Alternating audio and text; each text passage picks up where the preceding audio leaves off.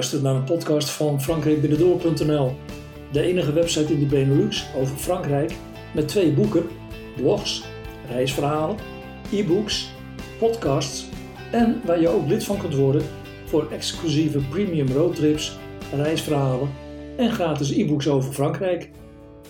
Ik ben Ruud Ouwenhoven en in deze podcast neem ik je mee naar het groene hart van het Centraal Massief. Als je een liefhebber bent van ruige natuur en wandelen, dan ben je in het hart van de Auvergne op de juiste plaats. In het departement Cantal vind je nog talloze plekjes waar het massatoerisme nog niet heeft toegeslagen. En op frankrijkbinnendoor.nl slash Cantal vind je nog meer tips en handige links om te genieten in de Cantal. Luister je mee? Het centrum van Frankrijk wordt deels gevormd door het Centraal Massief. En als iemand praat over de Auvergne, dan heeft deze het meestal over een groot deel van dit hart van Frankrijk. Het is een gebied dat vooral wordt gekenmerkt door een prachtige natuur die zo groen is dat je bij je eerste ervaringen idee krijgt dat het niet groener kan. Maar bij de volgende bocht of bergtop lijkt het toch nog groener te kunnen.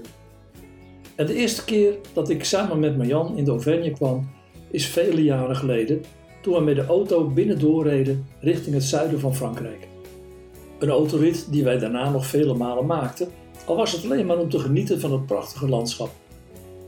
Delen van deze route staan ook op frankrijkbinnendoor.nl en is in de premium serie 26 dagen Frankrijk binnendoor compleet beschreven en te volgen. Vreemd genoeg waren wij nog nooit langer dan een dag in de Auvergne geweest. En na er diverse keren doorheen gereisd te hebben, werd het toch echt wel eens tijd er eens wat langer naartoe te gaan. En tijdens een van onze reizen in Frankrijk kreeg ik een tip van een Fransman om te gaan wandelen aan de voet van de Puy-Marie. En om precies te zijn in de Vallée du Mars. En de allereerste keer verbleven wij in het kleine dorpje Le Falcou. Toen ik onlangs door mijn foto's bladerde, kwam ik een foto tegen van mij in een auto op de top van de Puy-Marie met een laptop op schoot. Je kunt de foto zien in het blog op frankiebinnendoor.nl slash. En de foto stamt uit 2007. Ik was toen samen met Marjan voor het eerst in de Cantal. En ik kan me dat nog goed herinneren dat wij vanuit de Bourgogne vertrokken met stralend mooi weer, maar naarmate wij dichter bij de bestemming kwamen, werd het mistiger en kouder. De Ziet lag aan de voet van de beroemde Puy-Marie en was alleen via een smalle bergweg bereikbaar. Links de bergwand, dan de smalle en soms slechte weg en rechts een hek met prikkeldraad en soms zelfs helemaal geen hek, maar wel het dal van de Vallée du Mars, waar ik naartoe moest. Het was steeds mistiger en het zicht was belabberd en de temperatuur daalde tot net boven nul en het was half juni. Na een spannende rit werd de traditionele ziet bereikt. Deze had een open haard waar je in kon zitten, want in de winter kon het er erg koud worden. In juni ook trouwens. Het kwam toch nog goed toen ik de volgende dag in het vlakbijgelegen dorpje een ontbijt ging scoren met natuurlijk de lokale kaas Salers. Hier werd ik verliefd op de Cantal en wat mij betreft de mooiste streek van de Auvergne en het Centraal Massief. Het was ook de tijd dat ik nog niet voor mezelf was begonnen, maar ons internetbedrijf stond wel al in de kinderschoenen. Op dat moment was frankrijkvakantieland.nl, de website die wij in 2020 verkochten, al de grootste toeristische website over Frankrijk. En om te zorgen dat er nieuwe artikelen online konden komen en ik e-mail kon beantwoorden, had ik in die tijd een mobiele telefoon met internet. Ik kon dan tijdens onze reizen door Frankrijk toch zorgen dat alles up-to-date was. En vragen via e-mail konden ook worden beantwoord. Maar wifi-verbindingen waren in die tijd nauwelijks en al helemaal niet aan de voet van de Puy-Marie. Wij verbleven in een fraai gerestaureerde gîte in het dorpje Falcou. En dat ligt in de Vallée du Mars. En elke ochtend ging ik met de auto naar de bakker. Maar eerst reed ik helemaal omhoog om een telefoonverbinding te krijgen met internet. In het dal was namelijk geen mobiele verbinding mogelijk en al helemaal geen internet. En toch is dat nog maar 14 jaar geleden. Falgou is een klein dorp waar vroeger vooral houthakkers woonden. Ze gingen hun geluk beproeven in Parijs en verdienden er behoorlijk wat geld. En daarmee bouwden ze ruime huizen in de door hen zo geliefde Vallée du Mars. Want die bleef hen toch uiteindelijk trekken. Richting de Puy-Marie ontplooit zich een bos van circa 730 hectare, en is daarmee het grootste bos van het departement Cantal. En dit bos ligt in de Cirque de Falgou, tegen de hellingen van de Puy-Marie, die een oude vulkaan is. Vanaf de pas van de Puy-Marie kun je via een steile klim over een pad met een trap de berg beklimmen. Het is een pittige klus, maar je krijgt er wel wat voor terug. Overigens kan het hier in het seizoen heel erg druk zijn, want deze Grand Site de France sinds 2004 is zeer gewild bij dagjesmensen. En een paar kilometer verderop daalt echter de rust weer neer over het landschap. Valcoux ligt op een hoogte van ongeveer 930 meter en is een klein dorp met nog geen 200 inwoners, waar weinig voorzieningen zijn, vooral buiten het seizoen. Tankstations zijn er in de directe omgeving al helemaal niet. Maar toch zijn er twee restaurants en een hotel.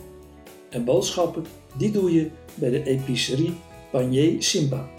En wil je met een camper, caravan of tent naartoe, dan kan dat ook, want op 500 meter buiten het dorp ligt een eenvoudige camping.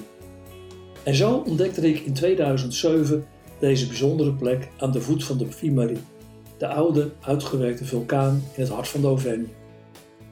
De Puy is een oude vulkaan, zoals er in de Auvergne tientallen zijn. En vanaf deze berg met een hoogte van 1748 meter heb je een prachtig uitzicht over de groene omgeving. De oude vulkaan is bereikbaar via de hoogste pas van de Auvergne en dat is de Pas de Perrol. En hier vandaan kun je alle kanten op om de Auvergne te ontdekken. Bijvoorbeeld door een fraaie vallei richting Murat of aan de andere kant de weg volgen richting Salers, bekend van dat kaasje uit de Auvergne. In elk geval is deze streek buiten de vakantiemaanden juli en augustus heerlijk rustig en in de vallei met het kleine riviertje Le Mars kun je volop genieten van de prachtige groene natuur. Je kunt een fraaie wandeling in de vallei maken, maar ook pittige tochten die tegen de op het zuiden gerichte berghellingen gaan. Na een flinke inspanning via het wandelpad van de GR400 moet je niet vreemd opkijken als je het bos wild tegenkomt, of zelfs hoog op de berg Kammergemzen. Ze zitten er echt. Om in één dag de vallei heel goed te leren kennen, is er een fantastische rondwandeling die maar liefst 7,5 uur duurt. Dus daar ben je wel even zoek mee en de bewegwijzering die is over het algemeen goed, maar als je in het vroege voorseizoen komt, kan er nog wel eens een paaltje door de winterse omstandigheden ontbreken en dan is het even goed opletten met de wandeling. Ik heb er met Marian uren gewandeld zonder iemand tegen te komen. Het weer kan er trouwens wel eens tegenvallen, dus daar moet je je niet door uit het veld laten slaan. Wij kwamen er eens half juni in de mist aan en waarbij de temperatuur dus zelfs daalde tot een paar graden boven nul. Maar de dagen daarna was er volop zon en een graadje of 20. Maar de omgeving is niet voor niets zo groen. Er is veel vocht in de natuur aanwezig. En hou daar dus rekening mee als je gaat wandelen, want het weer kan hier trouwens ook snel omslaan. We hebben het meegemaakt dat we vanaf de Pas de Prérol wilden gaan wandelen over de bergkammen bij de Puy-Marie en we vertrokken midden op de dag met een stralende zon. En een half uur later was er alleen nog mist en een miserige regen die niet was voorspeld. Houd er dus rekening mee om altijd warme en regenkleding bij je te hebben. En als je in de vallei langs het riviertje Lamas loopt, kun je op natte voeten rekenen als je schoeisel er niet op is afgestemd. Soms moet je deze snelstromende beek oversteken en niet altijd ligt er een plankier of is deze net iets te kort. En naast de Puy-Marie kun je in de Cantal nog meer hoge bergtoppen tegenkomen, zoals de Plom du Cantal met een hoogte van 1855 meter. Dat is ook meteen het hoogste punt van de Mons du Cantal en in de winter onderdeel van het skigebied bij Le Lorient. En in de omgeving van deze berg kun je ook mooie wandelingen maken. En een andere hoge top in de Cantal is de Puy Griou van 1690 meter met eveneens een fraai wandelgebied. Een goed vertrekpunt voor wandeling in deze omgeving of voor mountainbikers is Le Lorient. En als de sneeuw verdwenen is, dan is deze omgeving een aanrader voor wandelaars of als je eens een pittige mountainbike-tocht wilt maken. Kijk voor meer informatie maar eens op de website van het Office du Tourisme van Le Lorient. Wat ik overigens nog niet verteld heb over de Vallée Mars, is dat je er met een beetje geluk op de omringende bergkammen gemzen kunt spotten. En ook kun je er het gepiep van bergmamotten horen en met een beetje geluk de dieren ook zien, net als reeën en ander klein wild. En net als in andere delen van Frankrijk is ook de wolf inmiddels in de Cantal gesignaleerd. Als je goed naar de berghellingen kijkt, kun je op de rotsen horizontale lijnen waarnemen.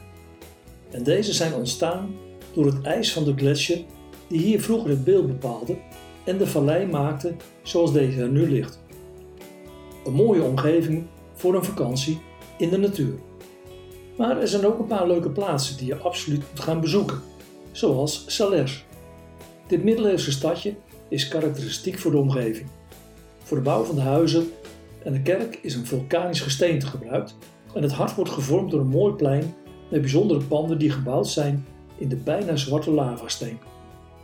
En ook de kerk van het stadje is bijzonder en de moeite waard om van binnen te bekijken. En eigenlijk is dit dorp of stadje een reis door de tijd met circa 30 historische panden die officieel als historisch monument zijn ingeschreven. En op het centrale plein staat trouwens een standbeeld van Tizandier Descou. En hij wordt gezien als de man die het bijzondere ras van de roodbruine Salers koeien gemaakt heeft tot wat ze nu zijn. Leveranciers van fantastische melk voor de beroemde kaas uit Salers. Salers behoort trouwens ook tot een van de mooiste stadjes van Frankrijk. Ongeveer 40 kilometer zuidelijker vind je een andere leuke stad, en dat is Aurillac. Het ligt aan de voet van de Mons du Cantal in de vallei van de Jordan. En ook dit is een plaats met een rijke historie en dat zie je terug in het cultureel erfgoed. En als je bij het Office du Toerisme een stadswandeling haalt, kom je ongetwijfeld in de omgeving van het middeleeuwse kasteel dat de stad domineert. Over domineren gesproken, in het centrum van het stadje valt het felgekleurde Hotel de Ville. Aurillac is een gezellige stad die op je ontdekkingstocht door de Cantal niet op je route mag ontbreken. Wat ook een leuke route is, is een prachtige autorit door het dal vanaf de Chalet Puy-Marie richting Murat. Het is een echte aanrader, want je rijdt door een fantastische natuur. Murat is een stadje dat in de 14e eeuw een vestingstad was en door de ligging altijd heel belangrijk als verkeersknooppunt. Daardoor werd er in en rond de stad veel gehandeld en waren er altijd veel activiteiten.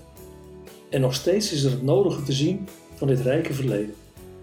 Ooit stond er een indrukwekkende burcht, maar die is echter in 1633 verwoest. In het stadje kun je nog tal van mooie oude huizen zien en de overdekte markthal. Die stamt uit 1891 en is een fraai voorbeeld van de stalen markthallen die je uit die periode op meer plaatsen nog steeds in Frankrijk kunt bewonderen. En indrukwekkend is de Rocher de Bonvie. Deze rotsformatie van basalt was ooit de plek waar de machtige burcht van Murat over de omgeving heerste. Het blog en de foto's bij deze podcast vind je op frankrijkbinnendoor.nl slash kantal. Oh ja, vond je deze podcast leuk? Abonneer je dan op Frankrijk Binnendoor in je favoriete podcast app, Apple Podcast, Spotify, Google Podcast of Stitcher. Je kunt natuurlijk ook altijd luisteren via frankrijkbinnendoor.nl slash podcasts. Tot mijn volgende podcast.